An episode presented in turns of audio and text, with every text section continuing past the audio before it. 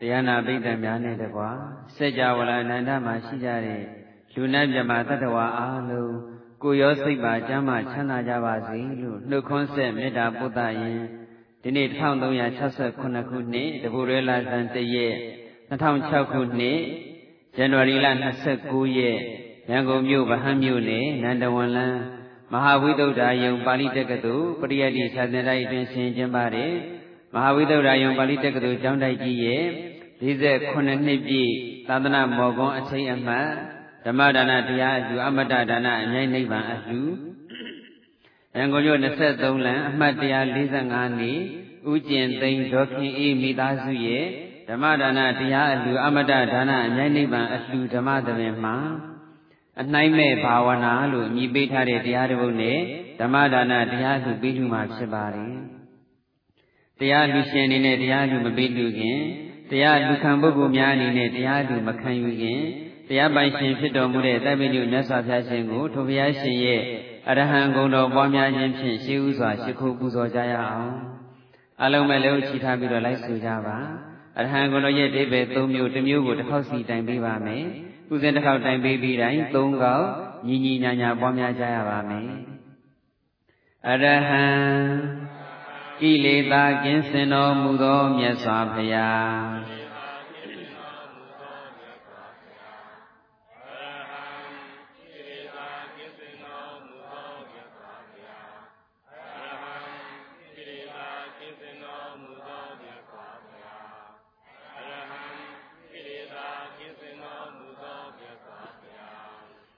အရဟံ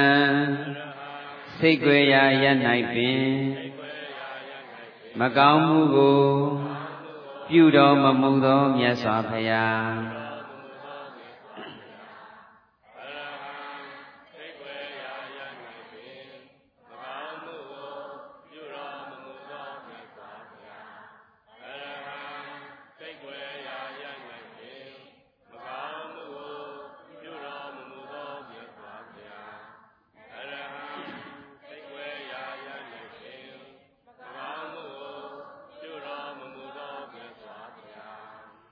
ရဟံ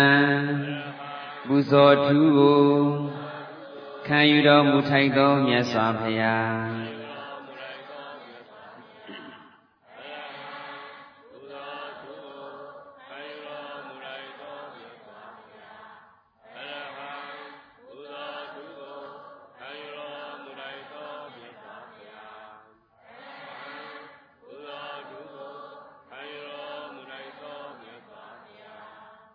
မြ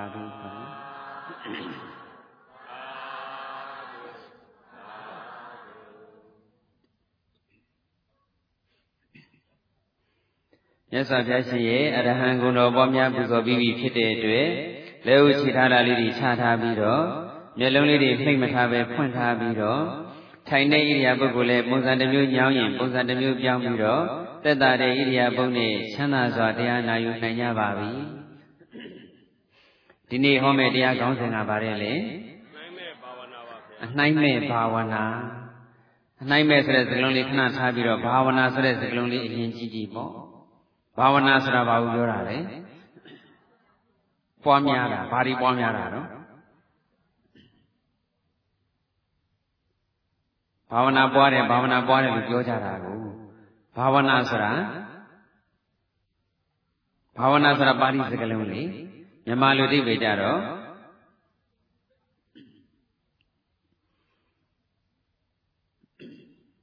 တခါယူလူမောဒီနေ့အနိုင်မဲ့ဘာဝနာတော့ဖတ်ခဲ့တယ်မလားမှန်ပါဗျာဖတ်တာအဲ့ဒါဘာဝနာဆိုတာပွားများခြင်းတူဝါခြင်းဘာဝနာဆိုတာဖြစ်စေခြင်းတူဝါအောင်လုပ်ခြင်းပေါ့ဘာဝနာဆိုတာပွားများခြင်းလို့ပြောဖြေလိုက်ကြတာပေါ့ဘာဝနာဆိုတာပွားများခြင်းဘာတွေပွားများတာလဲဆိုရင် ဆရာလေးတွေဘာဝနာပွားတယ်ဘာဝနာပွားတယ်လို့တွဲပြောကြတော့ဘာဝနာဆိုတာပွားများခြင်းလို့တန်းပြောကြတာပေါ့ဘာဝနာဆိုတာစိတ်ကောင်းစိတ်မြတ်တွေဓာတ်ကောင်းဓာတ်မြတ်တွေဖြစ်ပေါ်လာအောင်တိုးဝါလာအောင်လုပ်တာကိုပဲဘာဝနာလို့ခေါ်တာစိတ်ကောင်းစိတ်မြတ်တွေဖြစ်ပေါ်လာအောင်အားထုတ်တာဓာတ်ကောင်းဓာတ်မြတ်တွေတိုးဝါလာအောင်အားထုတ်တာကိုဘာဝနာလို့ခေါ်ပါတယ်ဘာဝနာဆိုတဲ့ပါဠိစကားလုံးလေးကဖြစ်စေခြင်း တူဝါခြင်းပေါ့ဘာတွေဖြစ်စေတာလဲဆိုရင်တော့စိတ်ကောင်းစိတ်မြတ်တွေဖြစ်စေတာဘာတွေတူဝါလာလဲဆိုရင်တော့ဓကောင်းဓမြတ်တွေတူဝါလာတာ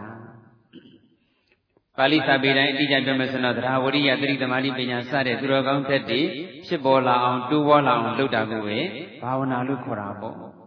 လွယ်လွယ်ကူကူမှတ်သားရအောင်ပြောမယ်ဆိုရင်တော့စိတ်ကောင်းစိတ်မြတ်တွေဓာတ်ကောင်းဓာတ်မြတ်တွေတူဝါလာအောင်လုပ်တာကိုပဲ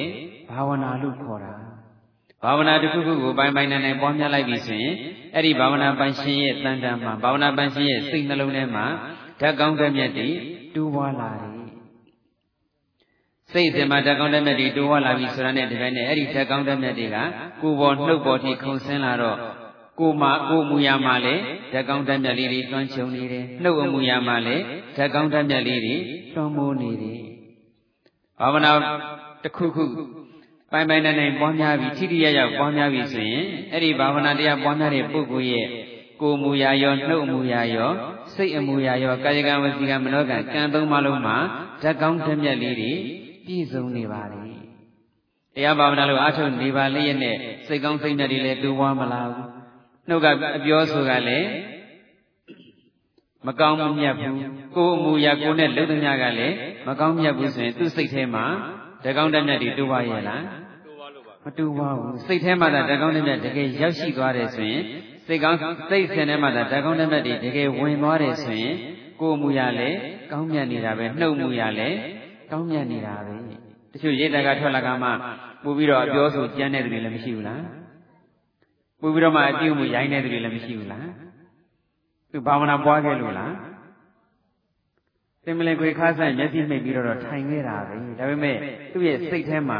သူ့ရဲ့စိတ်အစဉ်မှာဓာတ်ကောင်းတမျက်တည်တိုးပွားမလာခဲ့ဘူးတရားဝရိယသတိသမารိပညာစတဲ့ဓာတ်ကောင်းတမျက်တည်မေတ္တာကရုဏာမုဒိတာဥပေက္ခစတဲ့ဓာတ်ကောင်းတမျက်တည်တိုးပွားလာအောင်လုပ်တာကိုဘာဝနာလို့ခေါ်တာငုတ်တော့သွားထိုင်နေပါရဲ့စိတ်ထဲမှာဓာတ်ကောင်းတမျက်တည်ဘာမှတိုးပွားမလာဘူးဆိုရင်ဘာဝနာလုပ်တယ်လို့ခေါ်နိုင်မှာမလားမခေါ်နိုင်ဘူးတင်မလပေခါဆန်မျက်စိနှိပ်ပြီးတော့ထိုင်းနေမှာမဟုတ်ဘူး သွားရင်လာရင်လုံရင်ကန်ရင်စမ်းရင်တောင်းရင်နေရင်ထိုင်ရင်ပြောရင်ဆိုရင်လျှော်ရင်ဖွတ်ရင်ချက်ရင်ပြုတ်ရင်နဲ့လေကိုယ်စိတ်အစဉ်ထဲမှာတကောင်းတဲ့တက်လေးတွေတူပွားအောင်လုပ်နေရင်ဘာလုပ်နေတယ်လို့ခေါ်တာလဲဘာဝနာအားထုတ်နေတယ်လို့ခေါ်တာပဲအဲ့တော့ဘာဝနာဆိုတဲ့စကားလုံးရဲ့အဓိပ္ပာယ်သဘောပေါက်ပြီနော်စိတ်ကောင်းစိတ်မြတ်ဓာတ်ကောင်းဓာတ်မြတ်တွေတူပွားလာအောင်လုပ်နေတာကိုဘာဝနာလို့ခေါ်ပါတယ်အနိုင်မဲ့ဆိုတဲ့စကားလုံးလေးနဲ့တွဲလိုက်တဲ့အခါကျတော့ လောကမှာရှိရှိသမျှဘာဝနာတွေအလုံးထဲမှာသူ့ထက်ပိုပြီးတော့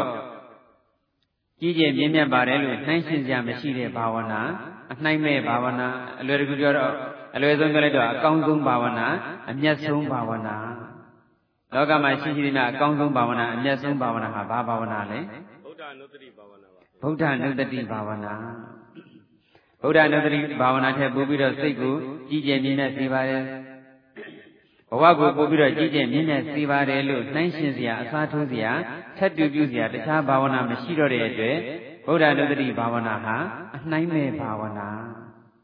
ဘာဝနာဆိုတာတက်ကောင်းတဲ့မြတ်တူပေါအောင်လုပ်တာလို့ပြောခဲ့ပြီးပြီဗုဒ္ဓနုတ္တိဘာဝနာဘုရားကုံတော်ပွားများတဲ့အလုပ်ဟာစိတ်အစဉ်မှာတက်ကောင်းတဲ့မြတ်တွေကိုအကြီးအကျယ်တူဝါစေနိုင်တယ်အစဉ်တန်းမြင့်မြင့်တူဝါစေနိုင်တယ်ဒါကြောင့်ဗုဒ္ဓနုတ္တိဘာဝနာဟာအနှိုင်းမဲ့ဘာဝနာ ဗုဒ္ဓနုတ္တိဆိုတဲ့ဗုဒ္ဓနုတ္တိဆိုတာကပါဠိစကားလုံးလေးပေါ့ဗုဒ္ဓဆိုတာကဘုရားကုံတော်အနုဆိုတာကထပ်တလဲလဲတတိဆိုတာကအမှတ်ရတာမြတ်စွာဘုရားရှင်ရဲ့ဂုဏ်တော်တွေကိုထပ်တလဲလဲအမှတ်ရနေတာကိုပဲဗုဒ္ဓနုတ္တိလို့ခေါ်တာဂုဏ်တော်ဆိုတော့ကိုယ်နဲ့အနှံ့ဝေးသလိုဖြစ်နေမယ်မှန်ကတော့ဂုဏ်တော်ဆိုတာအကြီးအချင်းပါပဲအစွမ်းတတိပါပဲ မြတ်စွာဘုရားရှင်ရဲ့အကြီးချင်းနဲ့မြတ်စွာဘုရားရှင်ရဲ့အစွမ်းတတိတွေကိုထပ်တလဲလဲနှလုံးသွင်းဆင်ញင်အောက်မေ့တတိယနေတာကိုပဲဗုဒ္ဓနုတ္တိလို့ခေါ်တာအဲ့ဒီတော့မြတ်စွာဘုရားရှင်ရဲ့ဂုဏ်တော်တွေကိုထပ်တလဲလဲနှလုံးမြတ်စွာဘုရားရှင်ရဲ့ဂုဏ်တော်မြတ်စွာဘုရားရှင်ရဲ့အစွမ်းတတိမြတ်စွာဘုရားရှင်ရဲ့အကြီးအချင်းတွေကိုထပ်တလဲလဲနှလုံးသွင်းဆင်ញင်အောက်မေ့တတိယနေတဲ့ဗုဒ္ဓနုတ္တိဘာဝနာဟာဘာဝနာတကဘာဝနာထဲမှာအကောင်းဆုံးအမျက်ဆုံးဘာဝနာ ဒါပေမဲ့ဦးဇင်းတို့ဆောင်းပါးထဲမှာတော့သမထဘာလောကမှာရှိရှိသမျှသမထဘာဝနာတွေထဲမှာအကောင်းဆုံးဘာဝနာအမျက်ဆုံးဘာဝနာလို့စောရကတက်စီရမလို့အောင်ရေးထားပါတယ်အမှန်ကတော့မြတ်စွာဘုရားရှင်ကသမထဘာဝနာတွေအားလုံးထဲမှာဗုဒ္ဓနုတ္တိဟာအမျက်ဆုံးလို့ဆိုလိုတာမဟုတ်ဘူးရှိရှိသမျှဘာဝနာအားလုံးထဲမှာအမျက်ဆုံးဘာဝနာဘာဝနာကတော့သမထဘာဝနာရဲ့ဝိပဿနာဘာဝနာရဲ့လို့နှစ်မျိုးရှိတာပေါ့မဉ္ဇဉ်ဘုံဉ္ဇဉ်ကိုဓာတ်ရိုက်ရရှိနိုင်တဲ့ မဉ္ဇဉ်နဲ့အနိကဆုံးဖြစ်နေတဲ့ဉာဏ်ကဝိပဿနာဉာဏ်အဲ့ဒီဝိပဿနာဉာဏ်ကိုဖြစ်စေနိုင်တာကဝိပဿနာဘာဝနာမညာဘုံညာကိုတည်းမညာဘုံညာတဲ့နိဗ္ဗာန်ကိုတည်းရဲ့မျက်မှောက်ပြုနိုင်ဖို့ဆိုရင်တော့အနိကဆုံးဘာအရေးကြီးတာလဲဝိပဿနာဉာဏ်ရှိနေဖို့အရေးကြီးတာဝိပဿနာဉာဏ်ရှိဖို့ဆိုတာကဝိပဿနာဘာဝနာလို့အထုမှရမှာပေါ့အဲ့တော့မဉဏ်ကိုတည်းရဲ့ဖြစ်စေနိုင်တဲ့မဉဏ်နဲ့အနိကဆုံးဖြစ်တဲ့ဝိပဿနာဉာဏ်ကိုဖြစ်စေနိုင်တဲ့ဝိပဿနာဘာဝနာဟာသ မထဘာဝနာထက်ပိုပြီးတော့မြတ်တာပေါ့သမထနဲ့ဝိပဿနာအဲ့ဒီလိုနှစ်ခုရှင်းမယ်ဆိုရင်တော့ဘယ်ဟာကပိုမြတ်လဲဝိပဿနာကမြတ်တယ်သမထကဇန်နေအပင်ကြီးတွေကိုပဲရရှိနိုင်တယ်လေဓမ္မပြည်ကိုထုတ်ထရခြင်းဓမ္မပြည်ကိုပဲရောက်ရှိနိုင်တယ်သမထတက်တက်ပွားနေုံနဲ့နိဗ္ဗာန်ထိရောက်ရှိနိုင်မှာမလားမရောက်ရှိနိုင်ဘူးဝိပဿနာလိုအထုမှဝိပဿနာဉာဏ်နဲ့ဖြစ်မှဝိပဿနာဉာဏ်ရဲ့အခြားမဲ့မှာမဲ့ဉာဏ်ဖြစ်ပြီးတော့နိဗ္ဗာန်ကိုမျက်မှောက်ပြုနိုင်တာဒါကြောင့်ဝိပဿနာဘာဝနာဟာအမျက်ဆုံးပဲပေါ့ ဝိပဿနာဘာဝနာကိုသိကြထားလိုက်ပြီးတော့မှသမထဘာဝနာတွေအားလုံးထဲမှာကြတော့မှဗုဒ္ဓနုတ္တိဘာဝနာဟာအမျက်ဆုံးအဲ့လိုကြလဲတော့သောရကတက်ကြမလို့တော့ဘူးပေါ့နှုတ်မရင်အဲ့လိုရေးထားတာတော့မှလာမေးတဲ့လူကရှိသေးတယ်နော်ရှင်မြတ်ရေးထားတဲ့အတိုင်းမဲ့ဘာဝနာထဲမှာဗုဒ္ဓနုတ္တိဘာဝနာဟာအမျက်ဆုံးလို့ရေးထားတယ်ဗုဒ္ဓနုတ္တိဟာသမထကြီးမဟုတ်ဘူးလားဝိပဿနာဘာဝနာကပုံမြတ်ရမှာပေါ့ဘာလို့ဝိပဿနာကိုအမျက်ဆုံးဘာဝနာအတိုင်းမဲ့ဘာဝနာလို့မပြောတာလဲလာမေးတဲ့လူကရှိသေးတယ်နော် အဲ့တော့ဆောင်းမတိထမဖတ်လို့ဖြစ်ပါလိမ့်မယ်ဆောင်းမတိထပြန်ဖတ်ကြည့်ပါသမထဘာဝနာတွေအားလုံးထဲမှာအမျက်ဆုံးလို့ရေးထားတာပါ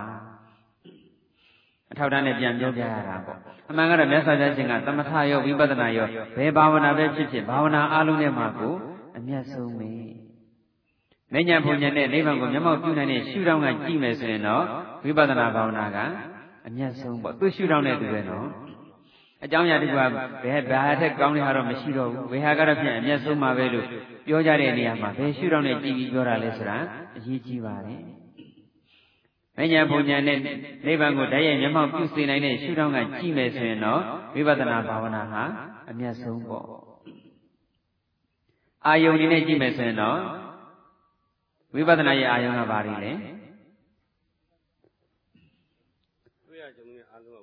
ဝိပဿနာရဲ့အာယုံကတော့ယုတ်တရားနံတရားတွေပေါ့ဗုဒ္ဓနုတ္တိရဲ့အာယုံကလည်းဗုဒ္ဓနုတ္တိအာယုံကမြတ်စွာဘုရားပဲနော်မြတ်စွာဘုရားမြတ်စွာဘုရားဆိုရင်မြတ်စွာဘုရားရှင်ရဲ့ဂုဏ်တော်တွေပေါ့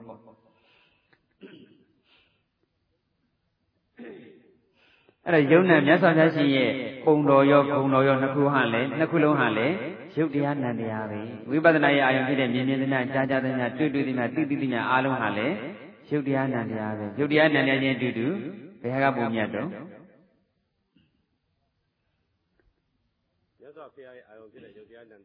လောကမှာရှိရှိသမျှအာယုန်တွေထဲမှာတော့ဘုရားဆိုတဲ့အာယုန်ဟာအမျက်ဆုံးအာယုန်ပဲ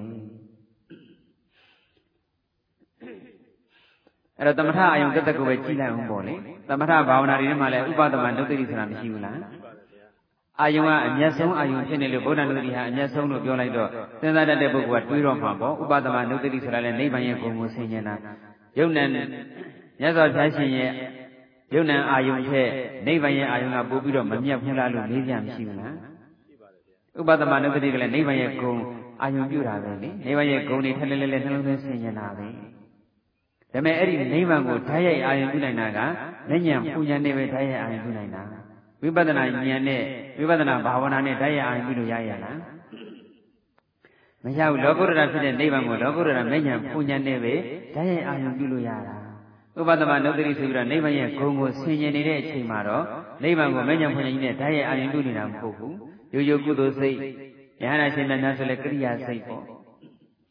ရိုးရိုးမဟာကုသိုလ်စိတ်မဟာကရိယာစိတ်တွေနဲ့ပဲအာယုပြုနေတာဆိုတော့တကယ်နိဗ္ဗာန်အစ်စ်ကိုအာယုပြုတာဟုတ်ရဲ့လား မဟုတ်ဘူးတကယ်နိဗ္ဗာန်အစ်စ်ကိုအာရုံပြုရခြင်းရှင်းမယ်ဆိုရင်တော့နိဗ္ဗာန်အာယုန်နဲ့ဘုရားရဲ့ယုံနာအာယုန်နဲ့နိဗ္ဗာန်အာယုန်ကကိုမြတ်တယ်လို့ပြောနိုင်တာပေါ့ဒါကြောင့်ဥပါဒမဒုက္ခတိပွားတော့ဟိုသုဘဝါသာတို့ဘာလို့ကြည်လိုက်ပေါ့အရှင်သေဝိလေးကို9နှစ်နဲ့9လအဝမ်းနဲ့လွယ်ထားရတယ်မိတွင်မိမဖွားနိုင်မနဲ့9ရက်ဖြစ်နေတယ်အဲ့ဒီအချိန်မှာသူ့ရဲ့ပြင်းထန်တဲ့ဝေဒနာတွေကိုဗုဒ္ဓနုတ္တိဥပဒမနုတ္တိသံဃာနုတ္တိတွေနဲ့သိခံနိုင်ခဲ့တယ်လေအဲ့ဒီမှာနိဗ္ဗာန်ရဲ့ဂုဏ်ကိုဆင်ញင်တော့ဘလို့ဆင်ញင်လဲ နိဗ္ဗာန်မှာငါအခုခံစားနေရတဲ့ကိုယ်ဝင်ဆောင်ရခြင်းဒုက္ခမိဖွားရခြင်းဒုက္ခမရှိဘူးကိုယ်ဝင်ဆောင်ရတဲ့ဒုက္ခမိဖွားတဲ့ဒုက္ခမရှိတဲ့နိဗ္ဗာန်ဟာချမ်းသာလှပါပြီစွာအဲ့ဒီလိုနိဗ္ဗာန်ရဲ့ကိုယ်ကိုကိုယ်ကလောလောဆယ်ကြုံတွေ့ခံစားနေရတဲ့ဒုက္ခဝေဒနာတွေဆင်းရဲဒုက္ခတွေနဲ့နှိုင်းယှဉ်ပြီးတော့အာယုံပြုတာပါမဉ္ဇဉ်ဘုရားကြီးနဲ့နိဗ္ဗာန်ကိုနှမ်းအာယုံပြုတာဟုတ်ရဲ့လား မဟုတ်ဘူးမဉ္ဇဉ်ဘုရားနဲ့နိဗ္ဗာန်ကိုဓာတ်ရဲ့အာယုံပြုတဲ့ကြတော့ဥပဒမနုတ္တိဘာဝနာကမ္မထံလို့ပြောလို့မရတော့ဘူးပေါ့ဖလားမဉ္ဇဉ်လေးထိုက်တဲ့အချိန်မှာဆိုတော့နိဗ္ဗာန်ကိုစအာယုံပြုလိုက်တာပေါ့သောတာပန်ဖြစ်ပြီးတဲ့နောက်နိဗ္ဗာန်ရဲ့နိဗ္ဗာန်ကိုထပ်တလဲလဲနှလုံးသွင်းနေတဲ့ဆိုရင်ဖလားသမပန်သောတာပတ္တိဖလားသမပဝင်စားနေတယ်လို့ပြောမှာပေါ့သောတာပတ္တိဖလားသမပဝင်စားနေတာကိုဘာဝနာပွားတယ်လို့ပြောလို့ရပါမလားမရဘူးဒါကြောင့်ဘုရားရဲ့ယုံနာအာယုနဲ့နိဗ္ဗာန်အာယု မြတ်စွာဘုရားဆိုတာလည်းသင်္ခတပဲလေနိဗ္ဗာန်ကအသင်္ခတသင်္ခတနဲ့အသင်္ခတဆိုတော့ဘုရားကပုံမြတ်တော့အသင်္ခတကမြတ်တာပေါ့ဒါပေမဲ့ဘာဝနာပွားနေတဲ့အချိန်မှာတော့အသင်္ခတကိုဓာတ်ရဲ့အာယုပြုနေတာဟုတ်ရဲ့လားမဟုတ်ဘူးဒါကြောင့်ခုပြောနေတာကဘာဝနာတွေထဲမှာအမျက်ဆုံးလို့ပြောနေတာဆိုတော့ဘာဝနာရဲ့အာယုံကနိဗ္ဗာန်အာယုံဓာတ်ရဲ့ကြီးအာယုပြုလို့မရဘူးဒါကြောင့်ရှိရှိနဲ့ယုတ်တရားနံတရားတွေထဲမှာလည်းမြတ်စွာဘုရားရှင်ရဲ့ယုံနံခန္ဓာဟာအမျက်ဆုံးအာယုံဖြစ်နေတယ်ဒါကြောင့်ဗုဒ္ဓနတ္တိဘာဝနာဟာအမျက်ဆုံးပဲ အဲ့တော့သမထနဲ့ဝိပဿနာဝိပဿနာကပုံမြတ်တယ်ဆိုတာကိုပြီးကြထားခြင်းထားလိုက်သမထမှာလည်းပဲကြည့်လိုက်အောင်အာနာပါနသမထလည်းရှိတာပဲမေတ္တာကရုဏာမုဒိတာတွေလည်းရှိတာပဲအတုဝကမ္မထန်တွေလည်းရှိတာပဲစဉ်းစားတဲ့ပုဂ္ဂိုလ်ဆိုတော့တွေးတော့မှာပေါ့ဗုဒ္ဓနတတိကအမျက်ဆုံးဆိုတော့အာနာပါနပွားပစ္စမဇန်နိပါရိယမေတ္တာကရုဏာမုဒိတာတွေပွားဇန်နေယအတုဝပွားလဲဇန်နေယဗုဒ္ဓနတတိဘုရားကုံတော်ပွားလို့ဇံမမရတာဇံပင်ကြီးရှုတော့ကကြည့်လိုက်မယ်ဆိုရင်တော့လေဗုဒ္ဓနုတ္တိကအမျက်ဆုံးမဟုတ်တော့ဘူးပေါ့ အာနာပါနတို့ဘာတို့ကအမျက်ဆုံးဖြစ်မှာပေါ့အရူပကမ္မထာတို့ဘာတို့လည်းရှိသေးတယ်လေအဲ့ဒါဇန်ရှုတော့ကကြည့်မယ်ဆိုရင်တော့လေတခြားသောသမထတွေကပုံမြတ်မှာပေါ့ကိုအဆင့်မြတ်မှာပေါ့ခုကတော့အာယုန်အနေနဲ့အာယုန်ရှုတော့ကကြည့်လိုက်တာပါအာယုန်ရှုတော့ကကြည့်လိုက်တော့ဘုရားအာယုန်ဟာလောကမှာရှိရှိသေးမှလောကီအာယုန်တွေထဲမှာအမျက်ဆုံးအာယုန်ဘာဝနာဆိုတာကလောကီအာယုံပဲပွားလို့ရတာလေလောကုတ္တရာအာယုံကတော့လောကုတ္တရာစိတ်နဲ့ပဲအာယုံပြုလို့ရတာ အဲ့တော့လောကမှာရှိရှိသမျှလောကီအာယုန်တွေထဲမှာမြတ်စွာဘုရားကြီးပြီးတော့အာယုန်ဟာအမျက်ဆုံးအာယုန်ဖြစ်တဲ့တည်းအမျက်ဆုံးအာယုန်ကိုအာယုန်ပြုပြီးတော့ပွားများရတဲ့ဗုဒ္ဓနုတ္တိဘာဝနာဟာအမျက်ဆုံးဘာဝနာအမျက်ဆုံးအာယုံကိုအာယုံပြုနေတဲ့ပုဂ္ဂိုလ်ရဲ့စိတ်ထဲမှာအမျက်ဆုံးဓာတ်တွေကုသပြီးတော့အမျက်ဆုံးကုသိုလ်တွေတူဝါနေတယ်အမျက်ဆုံးကုသိုလ်တွေတူဝါတဲ့အတွက်အမျက်ဆုံးကောင်းကျိုးတွေရရှိနိုင်တယ်ဒါကြောင့်ဗုဒ္ဓနတ္တိဘာဝနာဟာအမျက်ဆုံးဘာဝနာ ဗုဒ္ဓနတ္တိဘာဝနာဟာဘာကြောင့်အမျက်ဆုံးဘာဝနာဖြစ်ရလဲဆိုရင်ရိုးရိုးရှင်းရှင်းလေးမှတ်လိုက်မယ်ဆိုရင်အမျက်ဆုံးအာယုံကိုအာယုံပြုတ်ပြီးတော့ပွားရတဲ့ကမ္မထံဖြစ်လို့ဒါကအာယုံလေးနဲ့ပြောလိုက်တာပေါ့ဘာဝနာဆိုတာစိတ်ကောင်းစိတ်မြတ်ဓာတ်ကောင်းတဲ့မြတ်တွေတူအောင်လုပ်တာဆိုတဲ့အဓိပ္ပာယ်နဲ့ကြည့်လိုက်တော့ဗုဒ္ဓနတ္တိဘာဝနာဟာစိတ်ကောင်းစိတ်မြတ်တွေဓာတ်ကောင်းတဲ့မြတ်တွေတူအောင်လုပ်တဲ့နေရာမှာအကောင်းဆုံးဖြစ်နေတယ်ဂုဏတော်ပွားတယ်ဂုဏတော်ပွားတယ်ဆိုတာကဘာအတွက်ပွားတာလဲဆိုရင် အရက်ထဲမှာကတော့ဘုရားဂုဏတော်ပွားတယ်ပရိစိတ်နေတယ်ဘုရားရှိခိုးနေတယ်နမောတတတို့ဣတိပိသောတို့ထပ်တလဲလဲရွတ်နေတယ်ဆိုရင်စီဝါတက်ခြင်းလို့လက်ရှင်ခြင်းလို့ယာရုယာရုတွေတိုးခြင်းလို့လူဝင်ဆန္ဒတွေပြီးဝခြင်းလို့အကျံစီတွေအောင်မြင်ခြင်းလို့ပွားနေလို့ရွတ်နေတယ်လို့ထင်နေကြတာနော်ဂုဏတော်တွေရွတ်နေတာဂါထာတွေရွတ်နေတာပရိတ်တွေပဋ္ဌာန်းတွေရွတ်နေတာဟာအန္တရာယ်ကင်းလက်ရှင်ခြင်းလို့လို့လူတွေကထင်နေကြတာ တစုံတယောက်ကပရိဂုံတော်ပရိလေးစိတ်နေမယ်ဂုံတော်လေးတွေညွတ်နေမယ်ပရိကလေးညွတ်နေမယ်ပဋ္ဌာန်းလေးညွတ်နေမယ်ဆိုရင်ကိုပဲအော်သူလောကီဇီဝရေးအရှင်ပြေခြင်းလို့ညွတ်နေတာလို့ထင်မှတ်ပြီးတော့အရှင်ပေးကြတာတကယ်တော့ဂုံတော်ပွားတာပဲဖြစ်ဖြစ်ဂုံတော်လေးရွတ်ဆိုတာပဲဖြစ်ဖြစ်ပရိပဋ္ဌာန်းရွတ်ဆိုတာပဲဖြစ်ဖြစ်ပေါ့လေအကုန်လုံးအကျုံးဝင်ပါတယ်အဲ့တော့ဂုံတော်ပွားတယ်ဆိုတာအန္တရာယ်ကင်းလက်ရှင်မှုအတွက်ပွားတာမဟုတ်ပါဘူး ဂုဏတော်တဘာဝနဲ့အညီကိုယ့်ရဲ့စိတ်ဓာတ်နဲ့ကိုယ့်ရဲ့လုပ်ရက်ကိုအကောင်းမြတ်ဆုံးဖြစ်အောင်ပြုပြင်မှုအတွက်ဂုဏတော်ပွားရတာပါဂုဏတော်ဟာဘဝရဲ့စီကံဂုဏတော်ဟာဘဝရဲ့လမ်းညွှန်ချက်ပါဂုဏတော်စီကံဂုဏတော်လမ်းညွှန်ချက်နဲ့အညီကိုယ့်ဘဝကိုအကောင်းဆုံးပြုပြင်တည်ဆောက်ဖို့အတွက်ဂုဏတော်ပွားရတာရိုးရိုးရှင်းရှင်းပြောမယ်ဆိုရင်ကိုယ်စိတ်ဓာတ်နဲ့ကိုယ်လုပ်ရက်ကိုအကောင်းမြတ်ဆုံးဖြစ်အောင်တည်ဆောက်ဖို့အတွက်ဂုဏတော်ပွားရတာပါဂုဏတော်ပွားခြင်းရည်ရွယ်ချက်သဘောပေါက်တယ်နော် အဂုဏတော်ပွားတယ်ဆိုတာဥစဉ်လည်းပြောနေကြပါပဲဂုဏတော်ပွားတယ်ဆိုတာမိတ္တူကူတာပဲမြတ်စွာဘုရားရှင်ရဲ့တန်တမာရှိတဲ့ကောင်းမြတ်တဲ့အရေးချင်းတွေအစွမ်းတတိတွေကိုကိုယ်စိတ်ထဲကိုယ်နှလုံးသားတွေရောက်လာအောင်မိတ္တူကူးယူတာကိုပဲဂုံတော်ပွားတယ်လို့ခေါ်တာဂုံတော်ပွားတယ်ဆိုတာမြတ်စွာဘုရားရှင်အစွမ်းတတိမြတ်စွာဘုရားရှင်အရေးချင်းကိုစဉ်းစားတာလေ မြတ်စွာဘုရားရှင်ရဲ့ဂုံတော်တစ်ခုခုကိုပွားလိုက်လို့ရှိရင်ကိုပွားလိုက်တဲ့ဂုံတော်နဲ့အလားတူအရေးချင်းအလားတူအစွမ်းတတိတွေကိုယ်စိတ်ထဲကိုယ်နှလုံးသားထဲကိုယ်ဘဝတွေကိုကူးဆက်လာပါတယ်စေဘယ်ပန်းထုတ်ထားတဲ့ဖက်ကလေးဟာစေဘယ်ပန်းရနံသင်းတယ်လို့ပါပဲဂုံတော်သီးဟူသောပန်းလေးနဲ့ထုတ်ထားတဲ့ကိုယ်စိတ်ကလေးဟာလည်းဂုံတော်ရနံလေးသင်းလာတယ်တက်ကုသက်တဲ့သဘောတရားအရာပေါ့ဟိုပန်းသီးတို့ဘာလို့လဲပဲဥစဉ်တော်တောင်မမိုင်း ပန်းသီးကတ်တဲ့ခါကျတော့ရိုးရိုးပကံထဲမှာလည်းရိုးရိုးပကံကြားလေးထဲမှာလည်းဒီတိုင်းကတ်တဲ့ခါလေးကတ်တယ်တခါတည်းကျတော့ပို့ပြီးတော့မုံမုံမြင့်မြတ်ကလေးဖြစ်အောင်ဆိုပြီးတော့စပယ်ပန်းလေးတွေထည့်ထားတဲ့ကလပ်ကလေးထဲမှာပန်းသီးလေးတွေတင်ပြီးတော့လက်ကတ်တယ်ပန်းသီးလေးကိုစပယ်ပန်းလေးနဲ့ထုံမှန်းပြီးတော့မုံမုံမြင့်မြတ်လေးဖြစ်အောင်ဆိုပြီးတော့လေဥစဉ်ပုံမှန်အဖြစ်တော့နှင်းစီပန်းလည်းကတ်တယ်စပယ်ပန်းလည်းပဲကလပ်ကလေးပေါ်မှာပန်းစီလေးလုပ်ပြီးတော့ကတ်တာပေါ့အဲ့ဒါတခါတည်းကျတော့ပန်းသီးလေးကို ရိုးရိုးပကံကြားတဲ့နေမထည့်တော့ဘဲနဲ့စပယ်ပန်းလေးထည့်ထားတဲ့ကလပ်ကလေးပေါ်တင်ပြီးတော့ကတ်လိုက်စပယ်ပန်းနံလေးလည်းထုံသွားအောင်ဆိုတဲ့သဘောနဲ့ပေါ့တတိပြတော့ပန်းသီးလေးကိုစပယ်ပန်းလေးနဲ့ခြံရံပြီးတော့ကတ်လိုက်တာပေါ့ကိုရကတ်တုံးကတော့ရိုးရိုးပဲကတ်လိုက်တာနောက်နှစ်ရက်သုံးလောက်နေလို့အဲ့ဒီပန်းသီးလက်စော်ပြဖုံးပေးပြီးလို့စွန့်ပြီးတော့စားလဲစားလိုက်ရောပန်းသီးကဘာနဲ့မှုေးနေတော့စပယ်ပန်းနံလေးမှုေးနေတာပန်းသီးနဲ့လုံးဝကိုမရှိတော့ဘူးပန်းသီးလေးဝါကြည့်လိုက်စပယ်ပန်းနံလေးကိုမှုေးလို့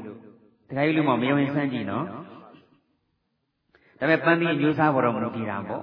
ပန်းသီးကအပေါ်သားမမကြည့်ကြည့်ကြည့်ဆိုရင်လည်းပန်းညက်နဲ့သုံးလေးရထားတာအနန္တိတ်မဆွဲဘူးအမျိုးစားကောင်းကောင်းရည်သေးကောင်းကောင်းဆိုရင်တော့တရက်လောက်ကလေးထားလိုက်တာနဲ့ကိုစပယ်ပန်းနဲ့နေပန်းသီးတစ်လုံးအနှံ့ဆွဲသွားတာပဲအဲ့တော့ဂုဏတော်ပွားလို့ဘုရားရှင်ရဲ့အရေးချင်းနဲ့ဘုရားရှင်ရဲ့ဆွမ်းသက်တွေကုဆက်တယ်ဆိုတဲ့နေရာမှာလေကိုယ်စိတ်အခမ်းမောတော့မူတရားပေါ့ကိုယ်စိတ်အခမ်းကညီညင်ပတ်ပတ်ကြီးဆိုရင်တော့ကုဆက်မှုအားနည်းမှာပေါ့ဒါပေမဲ့တဖြည်းဖြည်းချင်းတော့ကုဆက်မှုအားကောင်းအောင်ကြိုးစားမှာပေါ့ ပင်ကိုယ်စိတ်အခမ်းလေးကဖြည့်ဖွေးတန့်ဆင်နေတယ်ဆိုရင်တော့တစ်ချက်ပွားလိုက်တစ်ချက်ကုဆက်တစ်ခါပွားလိုက်တစ်ခါစိတ်ဝင်ပွားတိုင်းပွားတိုင်းမြတ်စွာဘုရားရှင်ရဲ့ဆွမ်းသက်တွေမြတ်စွာဘုရားရှင်ရဲ့အရေးချင်းနေ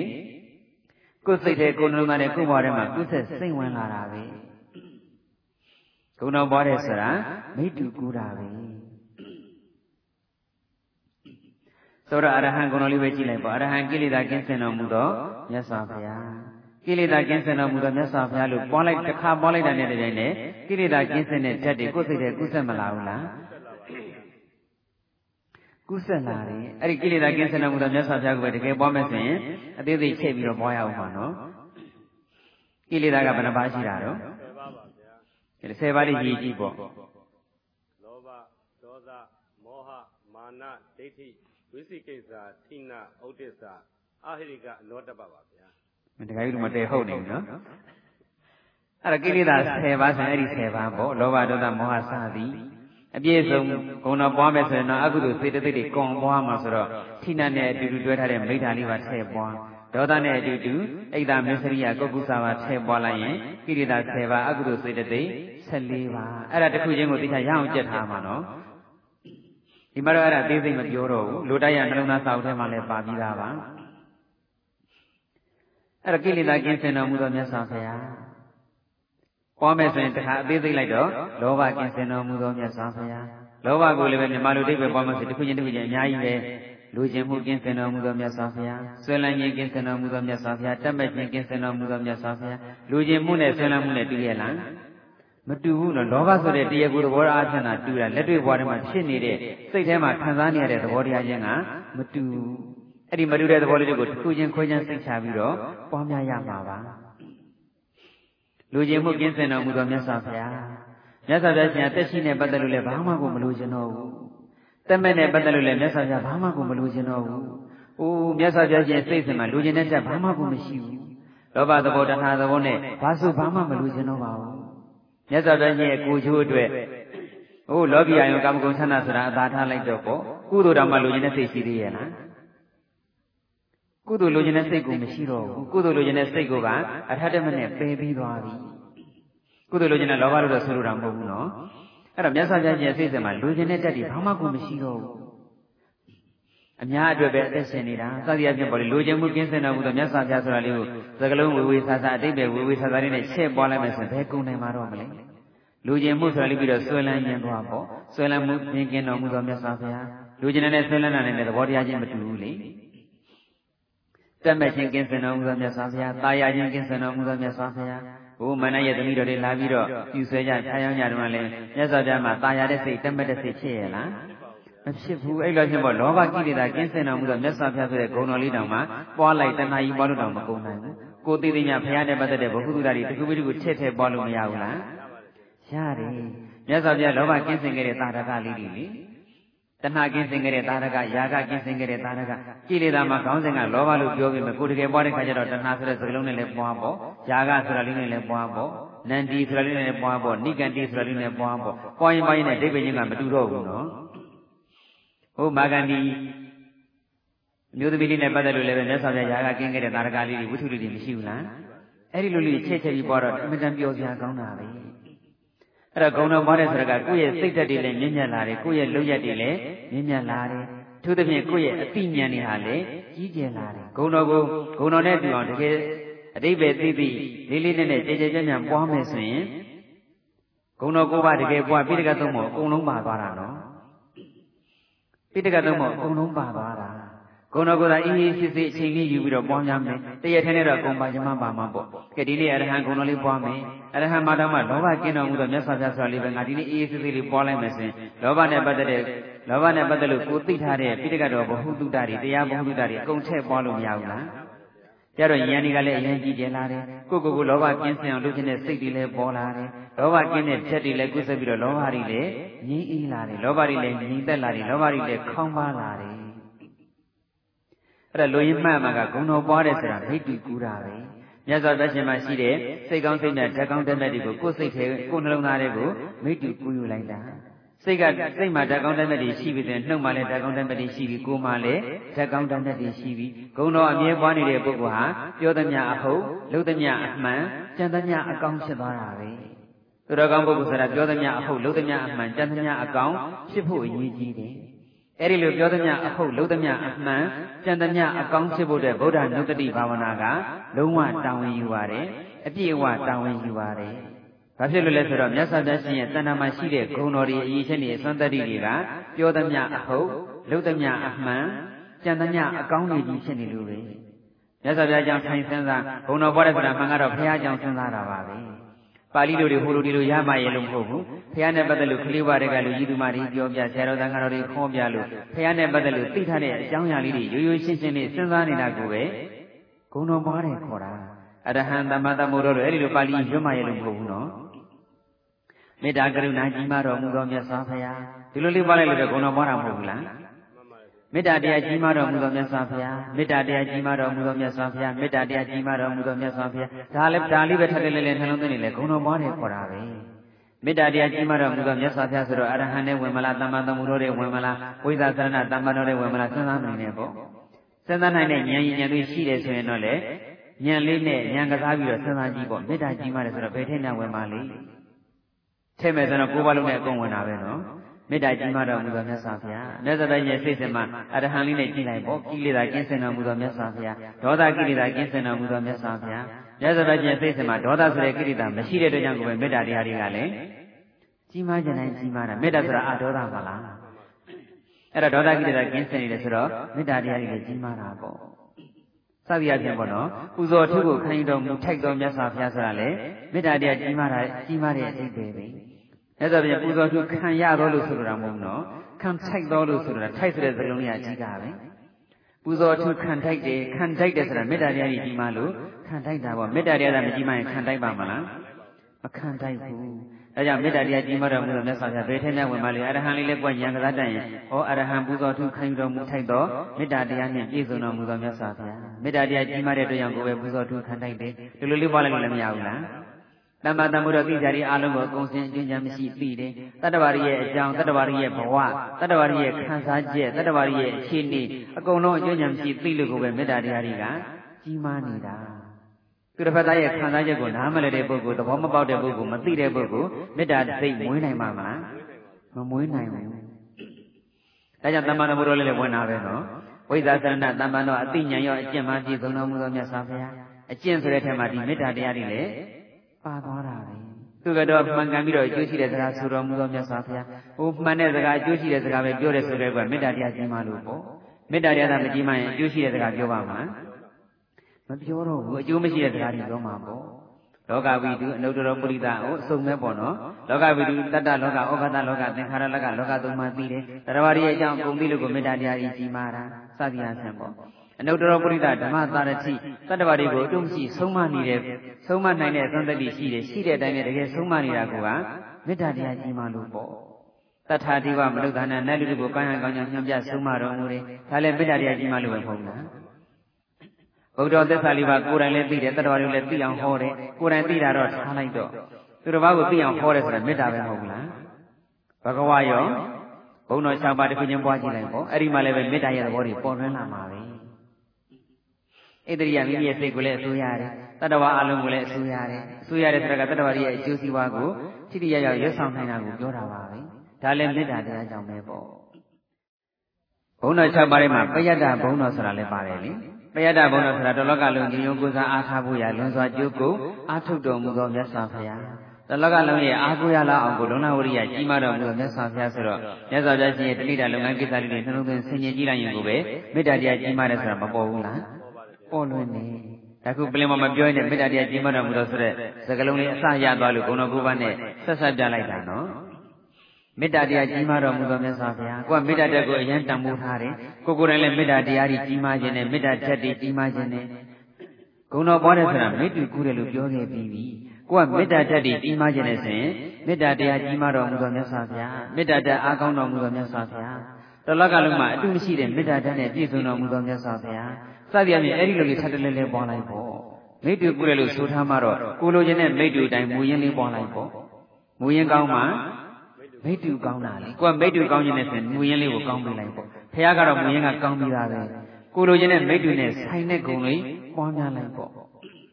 ကိုကဉာဏ်နဲ့ရန်ကြီးမှခြင်းနဲ့ဆိုလို့ရှိရင်လေတော်တော်ကလုံးမှာဉာဏ်တော်အကြီးမားဆုံးဖြစ်တော်မူသောမြတ်စွာဘုရားသိကြအလုံးအကုန်စင်ကျွမ်းဉာဏ်ဖြစ်သိမြင်တော်မူသောမြတ်စွာဘုရားတပည့်ညုတဉာဏ်တော်ကြီးနှင့်ပြည့်စုံတော်မူသောမြတ်စွာဘုရားတပည့်ညုတဉာဏ်တော်ပိုင်ရှင်ဖြစ်တော်မူသောမြတ်စွာဘုရားတမ္မာသမ္ဗုဒ္ဓရဲ့လို့ပါဠိမဆိုတောင်မှ တပည့်ညုတဉာဏ်တော်ဆိုတာလေးကကြားဘူးရတဲ့ဆိုရင်အဲ့ဒီတိုင်းလေးဘွားလည်းမရဘူးလားရတာပါပဲအဲ့တော့ဂုဏတော်ပွားတဲ့ဆိုတာမိတူကူတာပါကို့မှာဘာအားနည်းချက်တွေရှိလဲကိုယ့်ကိုယ်ကိုပြန်စဉ်းစားကြည့်ပြီးမယ်ကိုယ်အားနည်းချက်ကလေးကင်းစင်နေတယ်ဆိုရင်ကိုယ်အားနည်းချက်လေးကင်းစင်နေတဲ့ဂုံဖယားမှာပွားကြည့်လိုက်ပေါ့ကိုယ်တန်ရောစဉ်ကြည့်တယ်တန်ရောစဉ်ကြည့်လို့တောခါတွေများတယ်တန်ရောစဉ်ကင်းစင်တော်မူသောမြတ်စွာဘုရား တက်ရှိတန်ရောစဉ်တက်မဲ့တန်ရောစဉ်ဘာတန်ရောစဉ်မှမရှိတော့တဲ့အတွက်ကြောင့်ကိုပဲဘာတောကမှရှိတော်မမူသောမြတ်စွာဘုရားဒီလိုလေးပွားလို့မရဘူးလားကိုယ်အားနည်းချက်ကတန်ရောစဉ်ကြီးတဲ့အားနည်းချက်လေပူပန်တောခကြီးတဲ့အားနည်းချက်လေအဲ့ဒီအားနည်းချက်လေးကင်းစင်နေတယ်ဆိုရင်ကိုယ်မှရှိနေတဲ့အားနည်းချက်မျိုးမြတ်စွာဘုရားမှာမရှိဘူးလို့သာပွားလိုက်အဲ့ဒါဘုရားကုံတော်ပဲလွယ်လွယ်ပြောမယ်ဆိုရင်တော့ကိုလိုချင်တဲ့ကုံဘုရားသာပေးလိုက်အဲ့ဒါဘုရားကုံပဲနော်ပေးလိုက်ဆိုတာကိုကပေးလိုက်တာမဟုတ်ဘူးပွားလိုက်တာလေ ကိုယ်ကတန်ရုံးစင်ကြီးကင်းနေတယ်ပူပူပန်သောခါကြီးကင်းနေတယ်မြတ်စွာဘုရားမှာတန်ရုံးစင်လုံးဝမရှိဘူးပူပန်သောခါလုံးဝမရှိလို့ပွားလိုက်မှန်းကိုမှန်ပါတယ်ဒကမကြီးတယောက်အဲ့လိုပဲနှလုံးသားမိတုဆိုတဲ့သာဥတတိလေးဖတ်ရလို့တဲ့အဲ့ဒီအထက်မှာနှလုံးသားမိတုဆိုတဲ့မှာဘုရားကုံတော်ပွားတယ်ဆိုတာမိတုကူတာပဲမိတုကောင်းဖို့ဆိုတာလေဘုရားကုံတော်ဒီပါဠိတက်တဲ့သိနေုံနဲ့မဖြစ်ဘူးမြမလိုပါသိမှရမှာ တကယ်ပွားပြီဆိုရင်လည်းမြမလိုပွားတာအကောင်းဆုံးပဲမြမလိုပွားမှသာလျှင်ဘုရားမှာရှိတဲ့အရေးချင်းတွေအစွမ်းတတိတွေကုသနိုင်တယ်ဆိုပြီးတော့မှမြမလိုပွားပုံပေါင်းဒီနမူနာလေးတွေငါးဆယ်ခုထုတ်ပေးထားတယ်ထုတ်ပေးတဲ့ထဲမှာဘာပါလဲဆိုတော့ခုနပြောတဲ့တန်ရောရှင်ကင်းစင်တော်မူသောမြတ်စွာဘုရားပူပန်သောကကင်းစင်တော်မူသောမြတ်စွာဘုရားသောကခတ်သိမ်းခြင်းတော်မူသောမြတ်စွာဘုရားဒီလိုမြမလူလေးတွေတန်းစီပြီးထုတ်ပေးထားတာကိုထုတ်ပေးတော့အဲ့ဒီကမကြီးကသူကတန်ရောရှင်သိပြီးတယ်တဲ့အဲ့တော့အဲ့ဒါနဲ့တန်ရောစဉ်ကျင်းစင်တော်မူသောမြတ်စွာဘုရား တောကခတ်သိမ်းကြီးတော်မူသောမြတ်စွာဘုရားဒါလေးပဲထပ်တလဲလဲပွားနေတော့ခိုးတော့ကဆိုဟိုသားကြောင့်မျက်ရည်ကြရဒီသမီးကြောင့်မျက်ရည်ကြရနဲ့ခဏခဏငိုရတယ်ခုတော့တန်ရောစဉ်ကျင်းစင်တော်မူသောမြတ်စွာဘုရားဆိုတဲ့ဂုဏတော်လေးပူပန်တော့ကခတ်သိမ်းကြီးတော်မူသောမြတ်စွာဘုရားဆိုတဲ့ဂုဏတော်လေးထပ်တလဲလဲပွားများတဲ့အတွက်ဘယ်သားဘလို့ဖြစ်နေနေဘယ်သမီးဘလို့ဖြစ်နေနေမျက်ရည်လုံးဝမကြတော့ဘူးမျက်ရည်လုံးဝတိတ်သွားပြီတဲ့အငိုတိတ်သွားပြီတဲ့ဘယ်တော့မှမငိုတော့ဘူးတဲ့ဘုရားနုတ္တိရဲ့အစွမ်းတတိမထက်မြက်ဘူးလား ထက်မြက်တယ်အရဟံအရဟံလို့ပွားလို့လားသောင်းစဉ်ကင်းတော်မူသောမြတ်စွာဘုရားလို့မြမလူရိုးရိုးရှင်းရှင်းပွားလို့လားမြမလူရိုးရိုးရှင်းရှင်းပွားလို့ရိုးရိုးရှင်းရှင်းလေးပွားလိုက်မှပဲကိုယ်စိတ်ထဲကိုယ်နှလုံးသားထဲကိုယ်ဘဝထဲမှာဂကိုအစွမ်းတတ္တိတွေဘုရားရှင်ရဲ့အစွမ်းတတ္တိတွေရည်ချင်းနေကုသလာမှာပေါ့ကိုကအင်္ဂလိပ်စကားနားမလဲဘူးလူတက်ကကိုကိုအင်္ဂလိပ်လိုလာဆဲစိတ်တူပါမလားဘယ်တုံးလဲကိုမနားမလဲတာဘူး ကိုလူတက်ကအင်္ဂလိပ်လိုလာပြီးတော့ချီးမွမ်းကနေဖွင့်နေတယ်ကိုကအင်္ဂလိပ်စကားလည်းတခုမှနားမလဲဘူးဆိုတော့ဝမ်းသာနိုင်ရဲ့လားဝမ်းမသာနိုင်ဘာပြောလို့ပြောနေမှမသိတာဘူးအရဟံသမ္မာသမ္ဗုဒ္ဓဝိသသရဏသမ္မာတော်ပါဠိကြီးတက်ထားရအလို့ဆိုကုသဝတော့ရပါတယ်ကုသဝတော့ရပါတယ်ဒါပေမဲ့မြတ်စွာဘုရားရှင်ရဲ့တဏ္ဍာမှာရှိတဲ့အဲ့ဒီအရဟံရဲ့အစွမ်းတတ္တိသမ္မာသမ္ဗုဒ္ဓရဲ့အစွမ်းတတ္တိဝိသသရဏသမ္ပန်တော်ရဲ့အစွမ်းတတ္တိတွေကြတော့ကုသလာနိုင်မှာမလားမကုသတော့ဘူး ဂုဏတော်ပေါ်တဲ့အတွက်ကြောင့်တော့ဘာဝနာအလုပ်လုပ်သမထကမ္မထအလုပ်လုပ်သမထဆိုတာစိတ်ကိုကိရိတာအညစ်အကြေးတွေကနေကင်းဝေးတန်ရှင်းစင်ကြယ်စေတယ်ကိရိတာတွေငြိမ်သက်စေတယ်ကိရိတာတွေငြိမ်အေးစေတယ်ကိရိတာငြိမ်စေလို့ကိရိတာငြိမ်စေလို့ကိုပဲသမထလို့ခေါ်တာကို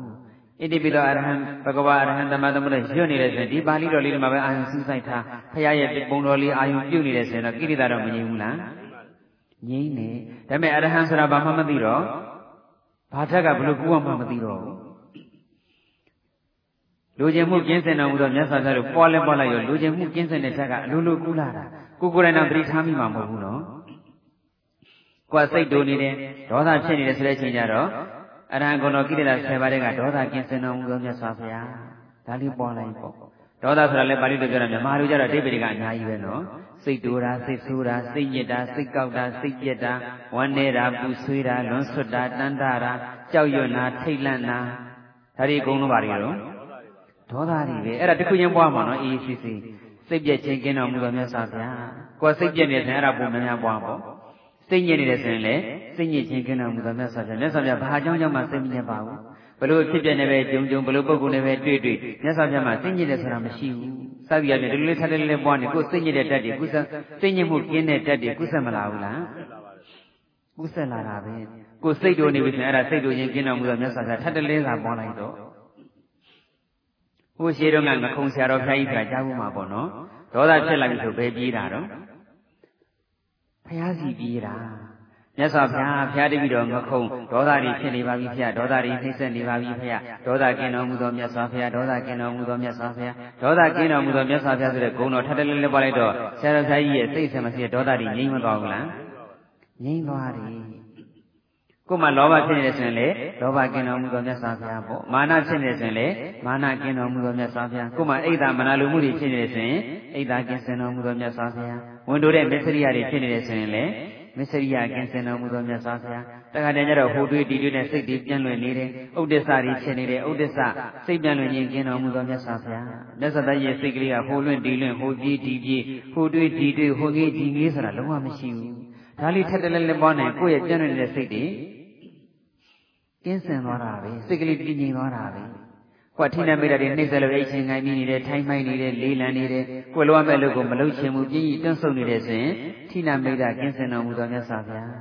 မြတ်စွာဘုရားရှင်မှာကိုရောစိတ်ရောလေးလံထိုင်းမိုင်းနေတယ်ညီးငွေနေတယ်ပြင်းကြီးနေတယ်ဆိုတာမရှိဘူးကိုယ်လိုအပ်မဲ့လို့မလုပ်ချင်မကန်ကြီးဖြစ်နေတယ်ဆိုတာမရှိဘူးထိနာမိတာကင်းစင်တော်မူသောမြတ်စွာဘုရားအိတ်ချင်းငိုင်းပြီးမှုကင်းစင်တော်မူသောမြတ်စွာဘုရား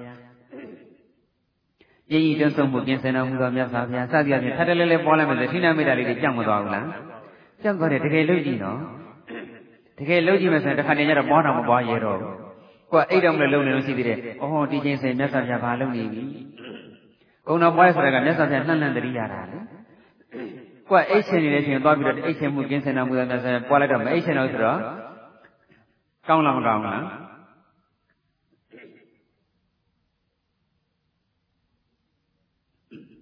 အိတ်ချင်းနေတော့အိတ်ချင်းမှုကင်းစင်တော်မူသောမြတ်စွာဘုရားထိနမိတာကင်းစင်တော်မူသောမြတ်စွာဘုရားပွားလိုက်တော့အိတ်ချင်းစိတ်ကြောက်တာမကောင်းဘူးလားအေးမောပဲနေဦးမယ်နော်အဲ့ဒီကြလည်းမြတ်စွာဘုရားဘုရားတပည့်တော်မြတ်စွာဘုရားလောက်မစွမ်းနိုင်လို့အိပ်ပြရသည်ဘုရားပေါ့ပွားတော့ပွားလိုက်တာထိနမိတာကြီးနှိမ့်ဆက်ပြီးတော့လေးလေးလန်လန်ထိုင်ထိုင်မမနဲ့ကိုရောစိတ်ရောလေးလေးလန်လန်ကြီးနဲ့အိပ်ပြောတာမျိုးအိပ်သွားတာမျိုးဖြစ်စီနေ ကျမ်းမာကြီးအရာခန္ဓာကိုယ်ဖွဲ့စည်းပြီးဆောက်ပုံသဘောတရားအရာမြတ်စွာဘုရားရှင်တို့လောက်အလုံးမလုံးနိုင်လို့ကိုယ်အိတ်ဆက်ရကျင်းဆက်ရဆိုပေမဲ့ကြည်ကြည်လင်လင်လေးနဲ့ပဲအိတ်လိုက်ရမှာခိနမေတ္တာနှိမ့်ဆက်လို့အိတ်လိုက်ရတယ်ဆိုတာမရှိစရာဘူးအလုတ်ပင်ပန်းလို့သာအိတ်ဆက်လိုက်ရတယ်ခန္ဓာကိုယ်ကိုနောက်တနေ့မနေ့ဖြန်မှလှုပ်စင်လှုပ်ထိုက်တဲ့သူတော်ကောင်းအလုပ်တွေပရိယပရိပတ်လုပ်တွေတတန်တရားလွံ့မြောက်ကြောင်းအလုပ်တွေလောကအကျိုးသာသနာအကျိုးအများအကျိုးတေဖို့ရဆောင်တဲ့အလုပ်တွေလုပ်ဖို့အတွက်အားဖြည့်တဲ့အနေနဲ့အားသွင်းတဲ့အနေနဲ့ အိဆတာသာဖြစ်စေရမယ်။ထိနာမိတာနှိမ့်ဆက်လို့ထိနာမိတာရဲ့အလိုကြအိတ်လိုက်ရတဲ့ဆိုတာမျိုးမရှိစေရဘူး။အဲ့ဒီလိုမရှိအောင်လည်းပဲအိတ်ခံအိယဝန်ကဒီမှာလည်းဘုရားကုံတော်လေးမပွားသင့်ဘူးလား။ပွားသင့်တယ်။ဂုံတော်ပွားတဲ့ဆိုတာမိတ္တူကူတာပဲဆိုတာနမူနာသိအောင်ပြောတာပါ။အရဟံကိလေသာကျင့်စင်တော်မူသောမြတ်စွာဘုရားလောဘဒေါသမောဟမာနဒိဋ္ဌိဝိသိကိစ္စထိနာဥဒိစ္စအာဟိရိကအနုတ္တပအဓိပ္ပာယ်တော့လိုတရထုံးနာမှာဖတ်တော်နော် ပြီးတော့မှအပြည့်စုံဆက်ထည့်မယ်ဆိုရင်ဒေါသနဲ့အတူတူတွဲရက်ကအိဒါမစ္စရိယကုက္ကုစာထိနာနဲ့တွဲရက်ကမိဋ္ဌာပေါင်းလိုက်မယ်ဆိုတော့14ပါးဖြစ်သွားတာပေါ့အဲ့ဒီ14မျိုးလုံးအသေးစိတ်ပွားနော်အရဟံစိတ်ကိုရရနိုင်ပင်မကောင်းမှုကိုပြုတော်မမူသောမြတ်စွာဘုရားဒီကုံတော်လေးပွားလိုက်တဲ့ဆိုရင်လေကိုစိတ်ထဲကိုနှလုံးသားထဲမှာစိတ်ကိုရမှာမကောင်းမှုမပြုခြင်းတဲ့တက်တည်ကူးဆက်လာတယ်။ကိုရမှာလူကိုရမှာမဟုတ်တာလေးတခုလုံးတော့မယ်ကြံ စိတ်ကိုရရနိုင်ပင်မကောင်းမှုကိုပြုတော်မမူသောမြတ်စွာဘုရားမြတ်စွာဘုရားရှင်စိတ်ကိုရရမှာမကောင်းမှုလုံးဝမပြုဘူး။ငါခုစိတ်ကိုရမှာမကောင်းမှုလုပ်တော့မလို့ပါလား။အိုးစိတ်ကိုရမှာမကောင်းမှုမပြုတဲ့မြတ်စွာဘုရားရှင်ဂုဏ်တော်ကိုပွားနေတဲ့ငါကစိတ်ကိုရမှာမကောင်းမှုပြုနေလို့ဘယ်သင့်တော်ပါမလဲ။အိုးမလုံနဲ့မလုံနဲ့ရှောင်ကျင်ပြစ်မသွားဘူးလားရှောင်ကျင်ပြစ်သွားတယ်ထက်တယ်လဲလဲပေါ့မကောင်းမှုကိုပြုကျင်တဲ့စိတ်ပေါ်လာမှရလို့မဟုတ်ဘူးစိတ်ကိုရရနဲ့ပဲမကောင်းမှုကိုပြုတော်မမူသောမြတ်စွာဘုရားလို့ထက်တယ်လဲလဲပွားနေရင်စိတ်ကိုရရမှ မကောင်းမှုပြုကျင်တဲ့စိတ်ရှိကူမရှိတော့ဘူးကိုရမှာမဟုတ်တာလောကမှာရှက်လာတယ်မဟုတ်တာပြောရမှာရှက်လာတယ်မဟုတ်တာလုံနေမိတယ်မဟုတ်တာပြောနေမိတယ်ဆိုရင်လေလုံနေတော့ပြောနေတော့မှဒီကုံတော်လေးသွားသတိရတာနဲ့ချက်ချင်းရက်ဖြစ်သွားတယ်ရှေ့မဆက်တော့ဘူးပေါ့တတိမရလို့မဟုတ်တာလုံးပြမဟုတ်တာပြောပြတော့မှတတိရလိုက်တဲ့ဒီတိုင်းနဲ့ရက်သွားတာပရိဥပ္ပိဒါဖြစ်သွားတာပေါ့အချိန်တက်ပြီးတာဖြစ်သွားတာဂုံတော်ရဲ့အစွမ်းတတ္တိနော် အန္တရာယ်ကင်းလက်ရှင်မမဟုတ်ပါဘူးကိုယ်စိတ်ဓာတ်နဲ့ကိုယ်လိုရက်ကိုအကောင်းမြတ်ဆုံးဖြစ်အောင်ပုံဖော်ထုစစ်ဖို့အတွက်ဂုံတော်ပွားနေတာပါဂုံတော်ပွားတယ်ဆိုတာကြည်ညိုတက်တက်ပွားတာမဟုတ်ပါဘူးကြင်ညံမှုအတွက်ပါပွားတာပါကြည်ညိုတက်တက်ဂုဏတော်ပွားခြင်းမဟုတ်ကြင်ညံဖို့အတွက်ပါပွားခြင်းဖြစ်သည်ဒါတိနှုံးသွင်းထားမှာနော်ဖယားမှာဒီလိုဒီလိုရည်သွေးရှိတယ်ဆိုတာလဲပွားတစ်ဖက်ကလည်းကိုကိုယ်တိုင်အဲ့ဒီရည်သွေးနဲ့ပြည့်စုံအောင်ကြိုးစား ကိုကိုယ်တိုင်ရည်သွေးနဲ့ပြည့်စုံကြိုးစားဖြစ်ပြီဆိုမှဂုဏတော်ပွားခြင်းရဲ့အနှစ်သာရပြည့်စုံသွားတာအရဟံပူဇော်ထုကိုခံယူတော်မူထိုက်သောမြတ်စွာဘုရားဖယားမို့လို့ပူဇော်ဆိုတဲ့စကားလုံးနဲ့သုံးထားတာပေါ့လက်တွေဝါဒီကြကြကြနဲ့ကြည့်လိုက်မယ်ဆိုတော့ပူဇော်ထုခံထိုက်သောမြတ်စွာဘုရားကုညီမှုနဲ့ထိုက်တန်တော်မူသောမြတ်စွာဘုရားချီးမြှောက်မှုနဲ့ထိုက်တန်တော်မူသောမြတ်စွာဘုရားစောင့်ရှောက်မှုနဲ့ထိုက်တန်တော်မူသောမြတ်စွာဘုရားချစ်ခင်မြတ်နိုးမှုနဲ့ထိုက်တန်တော်မူသောမြတ်စွာဘုရားအဲ့ဒီအတိတ်ပဲမတက်ရောက်ဘူးလားထိုက်ဆိုတဲ့စကားလုံးလေးကကြီးတာနော် ပူဇော်ထုခံယူတော်မူထိုက်သောမြတ်စွာဘုရားအဲ့ဒါလေးကိုဖြန့်တွေးလိုက်မှရှင်ပူဇော်ထုကိုခံထိုက်တဲ့အည်ချင်းတွေနဲ့ပြည့်စုံတော်မူသောမြတ်စွာဘုရားထိုက်ဆိုတဲ့စကားလုံးလေးကအည်ချင်းကိုပြပါတယ်ဒါကြောင့်တချို့ဆရာတော်ဘုရားများရဲ့အရဟံဂုဏ်တော်နဲ့တိတ်ပဲမှာကြည်လိုက်လို့ရှိရင်အတုမရှိသောသီလဂုံ၊တမာတိဂုံ၊ပညာဂုံ၊ဝိမု ക്തി ဂုံဝိမု ക്തി ဉာဏဒသနာဂုံတို့နဲ့ပြည့်စုံတော်မူတဲ့အတွက်ကြောင့်လူနဲ့ဇမတတ္တဝါအလုံးတို့ရဲ့ပူဇော်ထူးကိုခံယူတော်မူထိုက်သောမြတ်စွာဘုရား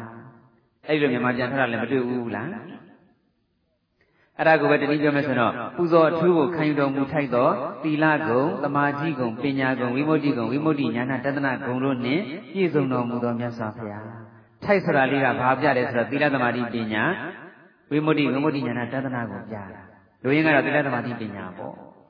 သီလသမာဓိပညာအကြီးချင်းတွေမှာသူမတူအောင်အနိုင်မဲ့ပြည့်စုံတဲ့အတွက်ကြောင့်ကိုပဲပူဇော်အထူးကိုခံယူတော်မူထိုက်တာ